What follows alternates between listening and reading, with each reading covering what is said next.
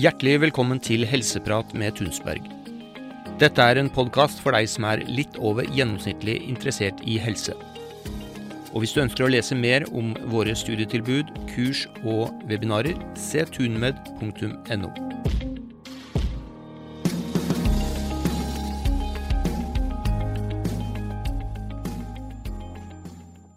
Ja, da sitter jeg her med Rikard Hove Hansen, advokat og fagansvarlig i Regnskap Norge. Du kan jo kanskje begynne å fortelle litt om din bakgrunn og hva Regnskap Norge er for noe? Ja, jeg kan starte litt med Regnskap Norge. Da. Vi er en bransjeorganisasjon for regnskapsførere. Det er frivillig for regnskapsførere å være medlem, men ca. 70% av alle autoriserte regnskapsførere er medlem hos oss. Ehm, vi jobber eh, en del med næringspolitiske saker eh, og forenklinger. Eh, og akkurat innenfor det området vi skal, skal snakke om i dag, så NVA på alternativ behandling, så er det et område hvor vi ikke har noe spesielt næringspolitisk syn, men vi har vært opptatt av at våre medlemmer skal være informert og være klare, sånn at de kan håndtere det riktig når NVA blir innført. Mm. Jeg er som du sa advokat og fagansvarlig for uh, merverdiavgift i Regnskap Norge. Jeg har tidligere ti års praksis som praktiserende advokat i PwC, og har før det jobbet noen år i skatteetaten. Bl.a. med bokettersyn og kontroll. Mm.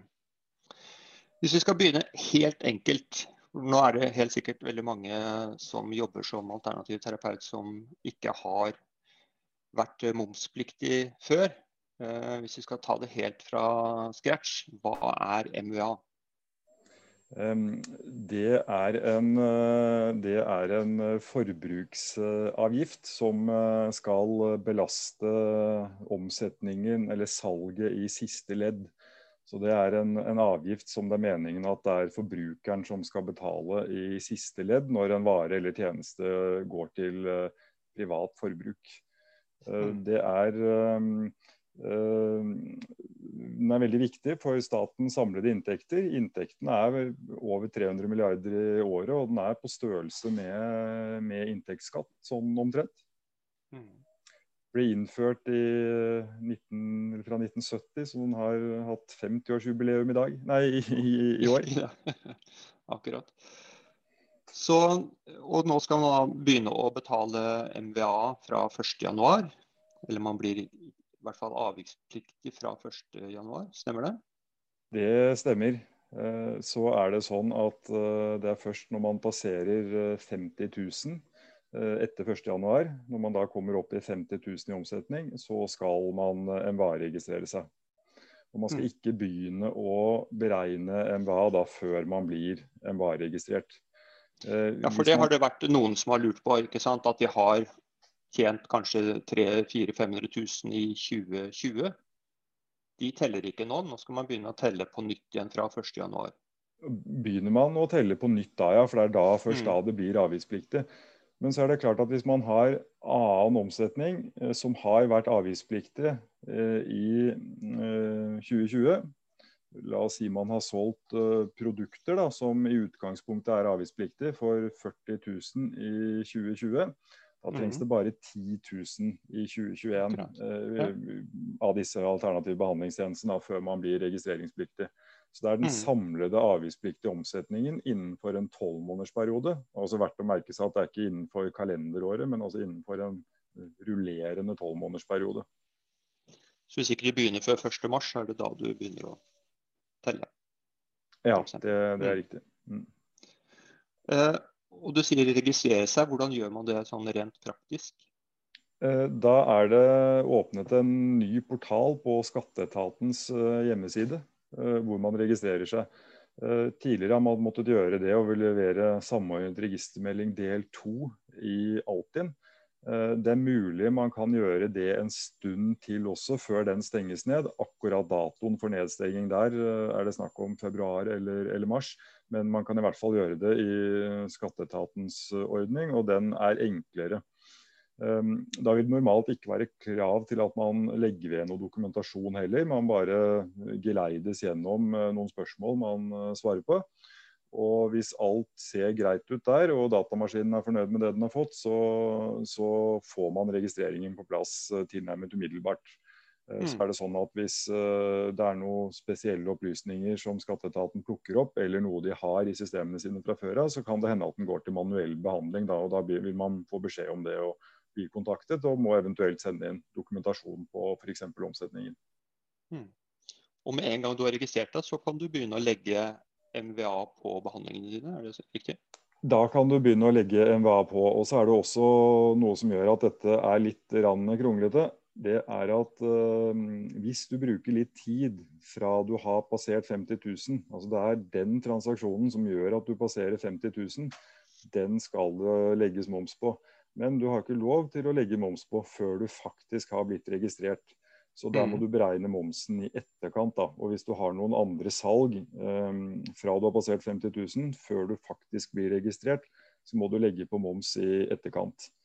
Um, ja, hvordan gjør man det rent praktisk? Skal du da kontakte de pasientene dine og si at uh, beklager, men her må du betale litt mer til meg?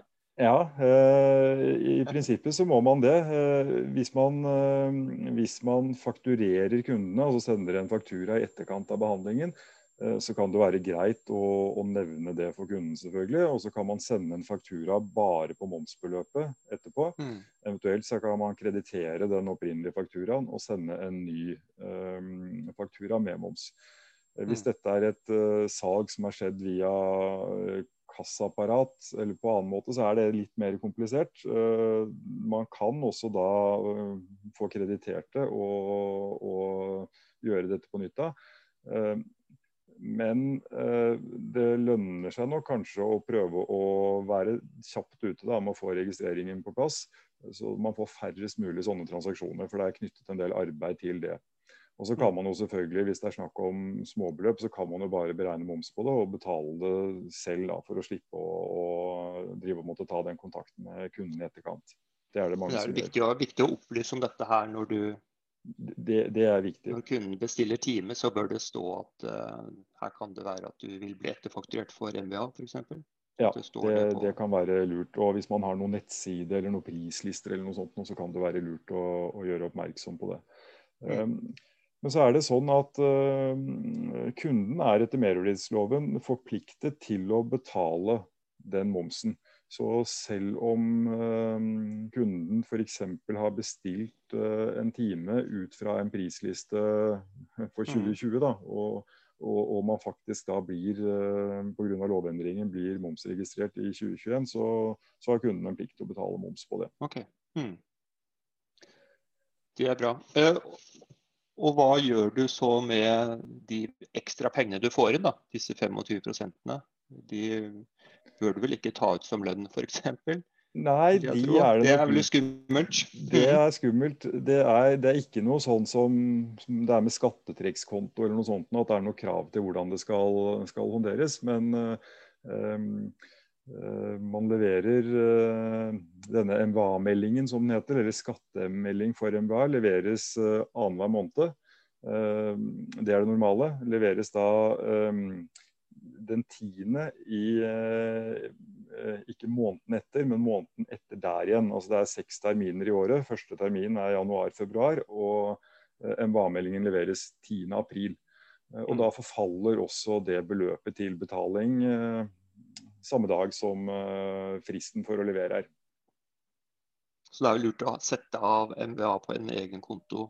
Det er absolutt, absolutt lurt. Sette av det. og så kan man også, da, hvis man driver f.eks. et enkeltpersonsforetak og har en begrenset omsetning, så kan man også søke om å få én termin i året, sånn at man slipper å levere hver uh, levere oppgave annenhver måned. Uh, men da blir det jo enda viktigere da, at man har en god rutine for å ta vare på de mm. pengene til de skal betales. Og staten er en, en kreditor som er ganske ivrig på å få det den mener den har krav på. Ja, for hva skjer hvis ikke du betaler MVA? Um, da får, man, eh, da får man eh, et varsel eh, noen uker etter betalingsfristen. Og da får man et par-tre uker ytterligere frist å betale. Og løper det renter, det, det, gjør det. Og hvis man ikke betaler da, så går det til tvangsinnfordring da. Og i verste fall så kommer de på besøk og ser om de finner noe de kan ta utlegg i for å selge. Det, da er det kanskje lurt å passe på å betale dette i tide, synes det det, man bør passe på å betale det i tide. Men så er det også, har man uh, midlertidige betalingsvansker, så er det også mulig å få til avtale med dem. da, Med å betale i, i, rater. Mm. Um, men hvis man tenker at dette er et problem, så er det nok lurt å ha de tomånedersterminene og prøve å sette av, av løpene. Mm. Det blir jo litt mer komplisert regnskap uh, når man trekker inn MVA, gjør det ikke det? Så det kan jo kanskje være en fordel å bruke regnskapsfører, eller kan man klare dette her selv? Ja, nå er det jo selvfølgelig min interesse å, å reklamere for uh, våre medlemmer, men, men, jeg vil absolutt si det at det kan være en god investering å bruke regnskapsfører når man får et uh, eh, MVA-regnskap. Uh, eh, det er krav til formalia. Det må gjøres vurderinger. Man har denne fradragsretten for inngående MVA på de kostnadene man har. Og for mange også vil de vel fort komme, komme i en situasjon hvor man har delt virksomhet. Altså hvor eh, man har noe som er avgiftspliktig og noe som ikke er avgiftspliktig. og Da er det viktig å holde tunga rett i munnen. Så jeg kan absolutt anbefale å, å bruke regnskapsører. Vi kan jo nevne da, at vi har, en, eh, vi har, et kart på hjemmesiden vår hvor man kan finne en regnskapsfører i nærheten av der man holder til, hvis man ønsker det. Mm. Er det dyrt å bruke regnskapsfører?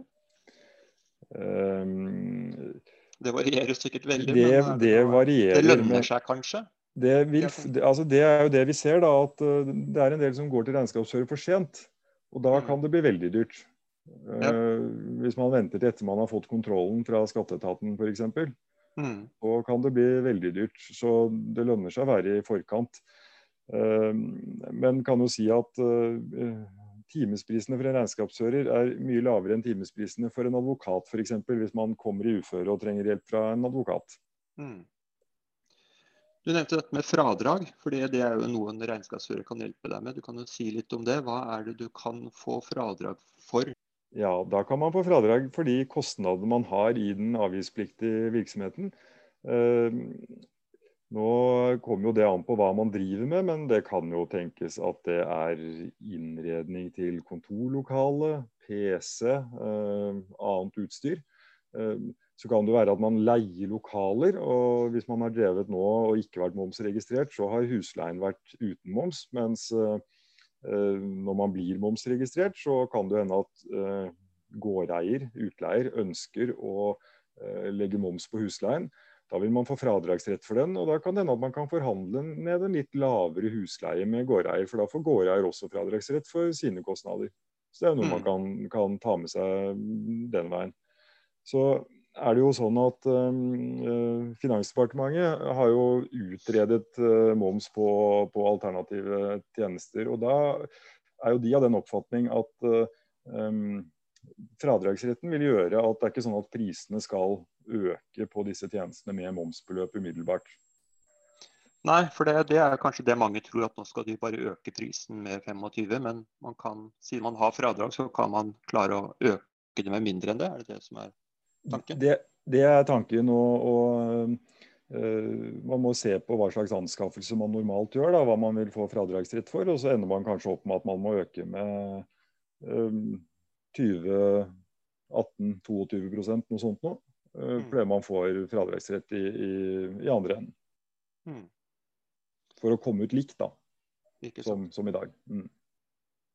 Og så er det sånn at Hvis man driver med noe som er MVA-pliktig og noe som ikke er det, så nevnte du også litt om at det gjør det også litt mer komplisert. Er det noen sånne hovedregler rundt det som du ja, si litt om? Ja, da er det jo på, på fradragsrettssiden da, så må man ta forholdsmessig fradrag eh, hvis man gjør anskaffelser som man bruker både i den avgiftspliktige og ikke avgiftspliktige virksomheten. Um, og da um, heter det seg i loven at man skal legge den antatte bruken av anskaffelsen til grunn. Og Det er jo ikke nødvendigvis så enkelt å, å, vite hva det er. så Da er sånn, da er det en regel i forskriften om at man kan se på omsetningen fra året før. Um, men så vil det jo ikke være så lett det innenfor dette området hvor det plutselig blir moms. da, Men man vil jo kanskje kunne se på hva man i fjoråret hadde hatt som ville vært avgiftspliktig, og, og hva man hadde som ikke var avgiftspliktig. Skal man bruke det til uh, kan man bruke det for å lage en sånn prosentmessig nøkkel. Det er også noe som regnskapsfører kan bistå med da, og, og få på plass fordelingsnøkkel hvis det er aktuelt. Mm. Og så gjør man en avregning senere da, hvis det ikke er stemmer, eller er det Nei da, hvis man, hvis man bruker en omsetningsbasert fordelingsnøkkel, så se, bruker man den ut fra året før. og Da kan man bruke den hele neste år. Og, og så lenge den i rimelig grad gjenspeiler bruken av anskaffelsene, så kreves det ikke noe, noe avregning etterpå. Mm. Og dette er jo en sånn skjønnsmessig Dette med antatt bruk for og eh, fordelingsnøkkel for fellesanskaffelser, det er jo en mm. skjønnsmessig vurdering. Mm. og da er det også sånn at Så lenge man har gjort et forsvarlig forretningsmessig skjønn, så kan ikke skattekontoret overprøve, overprøve mm. det. Om man skulle mene prosenten skulle være 47 istedenfor 35 eller noe sånt, så, så er ikke det noe de kan, kan overprøve. Så lenge vurderingen er gjort. da. Så Det lønner seg jo å dokumentere at man faktisk har gjort en gjort en vurdering. Mm. Og så er det jo dette her da med at kurs og undervisning ikke er NVA-pliktig. Og det er jo mye av det som uh, terapeuter jobber med som kanskje kan kalles kurs. Uh, men hvordan definerer man dette her? Er det noe man kan definere selv, eller er det, finnes det noen regler for det? Ja, det ikke, uh, Lovgiver har ikke klart å definere det. Undervisning er ikke definert i, i loven. Men, men, det er klart at fra den praksisen som er på området, så kan man nå trekke ut noe. Så undervisning er, det er ment å være det som språklig sett ligger i begrepet da, når de bruker det i, i loven. Eh, det er formidling av eh, kunnskap.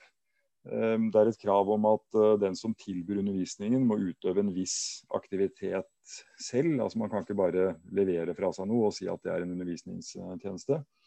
Det er verdt å merke seg at i, Norge så er dette unntaket, MUA-unntaket for undervisning, det gjelder både kompetansegivende undervisning knyttet til arbeid osv. Og, så og det gjelder også fritidsrettet og person, personlig, med personlig formål.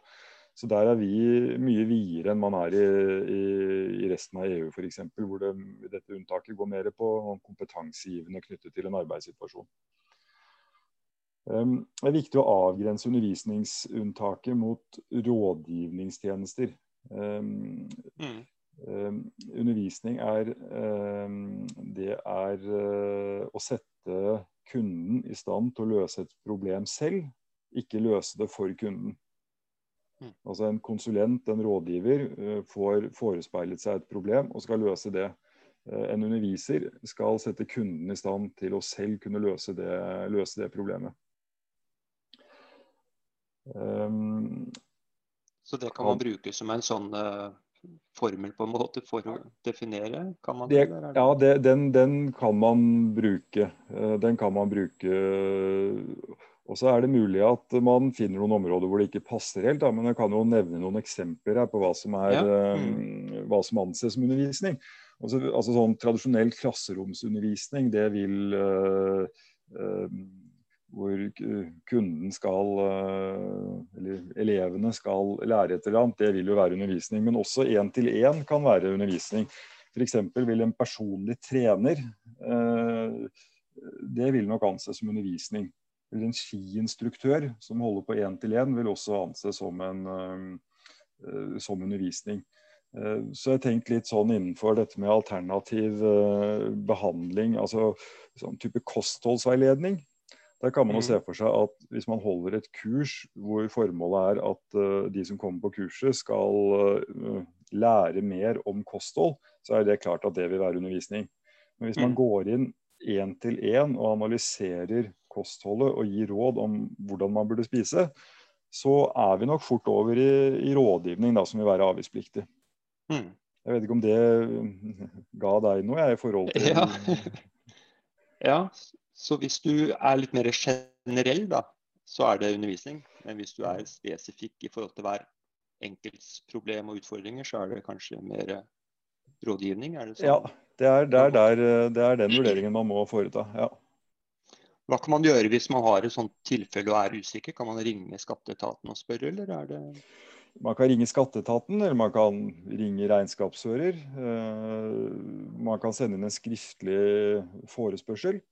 Eh, og så er det jo sånn at hvis, eh, hvis, man, har, eh, hvis man kommer bort til ett tilfelle i, i året hvor, denne hvor man må trekke denne grensen, så er jo ikke risikoen så stor om man gjør feil. Men det er klart hvis man er mm, hver dag eller hver uke i, i mm. denne gråsonen mellom rådgivning og undervisning, så kan det jo bli en del penger av det. Da kan det være fornuftig å få det avklart. Mm. Eh, så kan det jo hende at det etter hvert vil komme noe fra skatteetaten på, på dette området. Noe mer sånn veiledning knyttet mot disse som har drevet alternativ uh, behandling i dag. Uh, ja.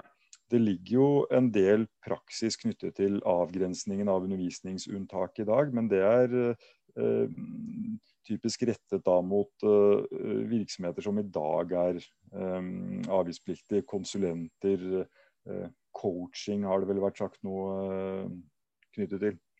Mm. Ja, hva har man sagt om coaching? At det um, fort vil være avgiftspliktig rådgivning, da. Sånn én til én. Mm. Ja. Det samme med konferanser og sånt nå har vel også vært et sånt uh... ja, Det også har vært et tema om, om tema. Um, Eh, om en konferanse er ment som erfaringsutveksling mellom deltakerne, så vil den fort være avgiftspliktig. Men hvis det er snakk om kompetanseoverføring fra arrangør til deltakerne, så er det undervisning. Og så er det veldig vanskelig å trekke skille i mange tilfeller, og det vil ofte være um, uh, begge typer uh, Altså, det vil være mm. elementer av begge deler. Da. Man vil kanskje ha noe på en konferanse, så vil man kanskje ha noe eh, foredrag eh, som er ment å øke kompetansen hos deltakerne. Så vil man kanskje ha noen sånne paneldebatter og diskusjoner mm. eh, eh på mm. bordene osv. Så, videre, så vil man havne i en, eh, i en blanding. Eh, og Da må man jo se på om dette hovedsakelig må anses som undervisning, eller om det faktisk er flere typer tjenester, og at man må splitte opp og fakturere noe med moms og noe uten, uten moms. Mm. Det er definitivt et vanskelig, vanskelig område.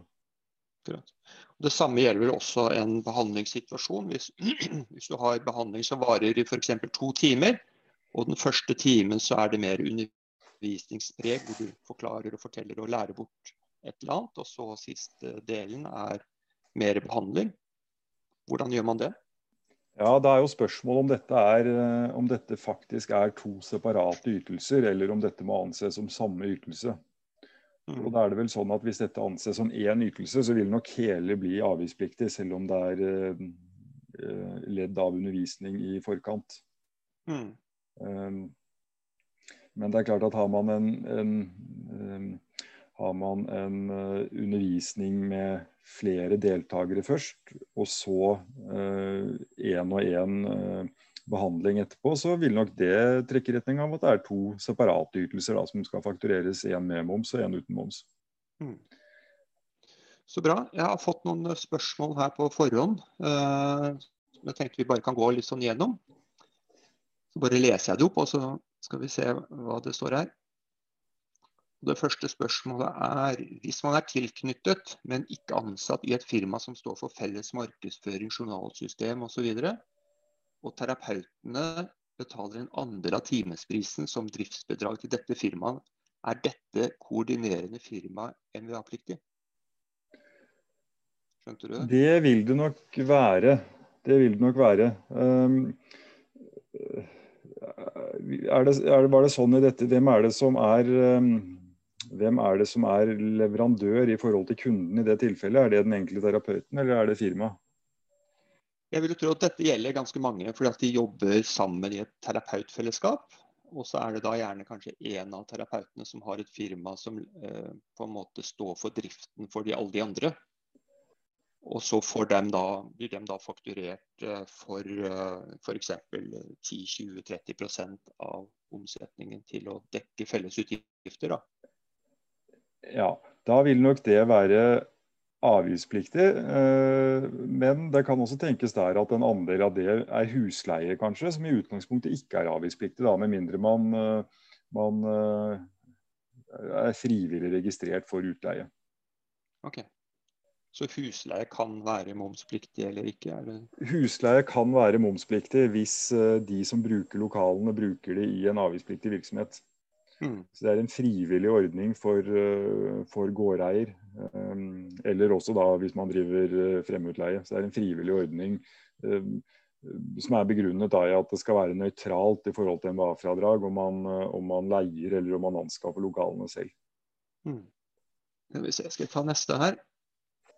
Og spørsmålet er, jeg tror kanskje vi svarte på det i stad, men jeg kan prøve en gang til. Hva gjør vi for å få igjen momsen på det vi kjøpte inn til virksomheten? MVA på husleie, strøm, telefon, internett, netts, betalingsterminal, datamaskin, programvare, firmabil osv.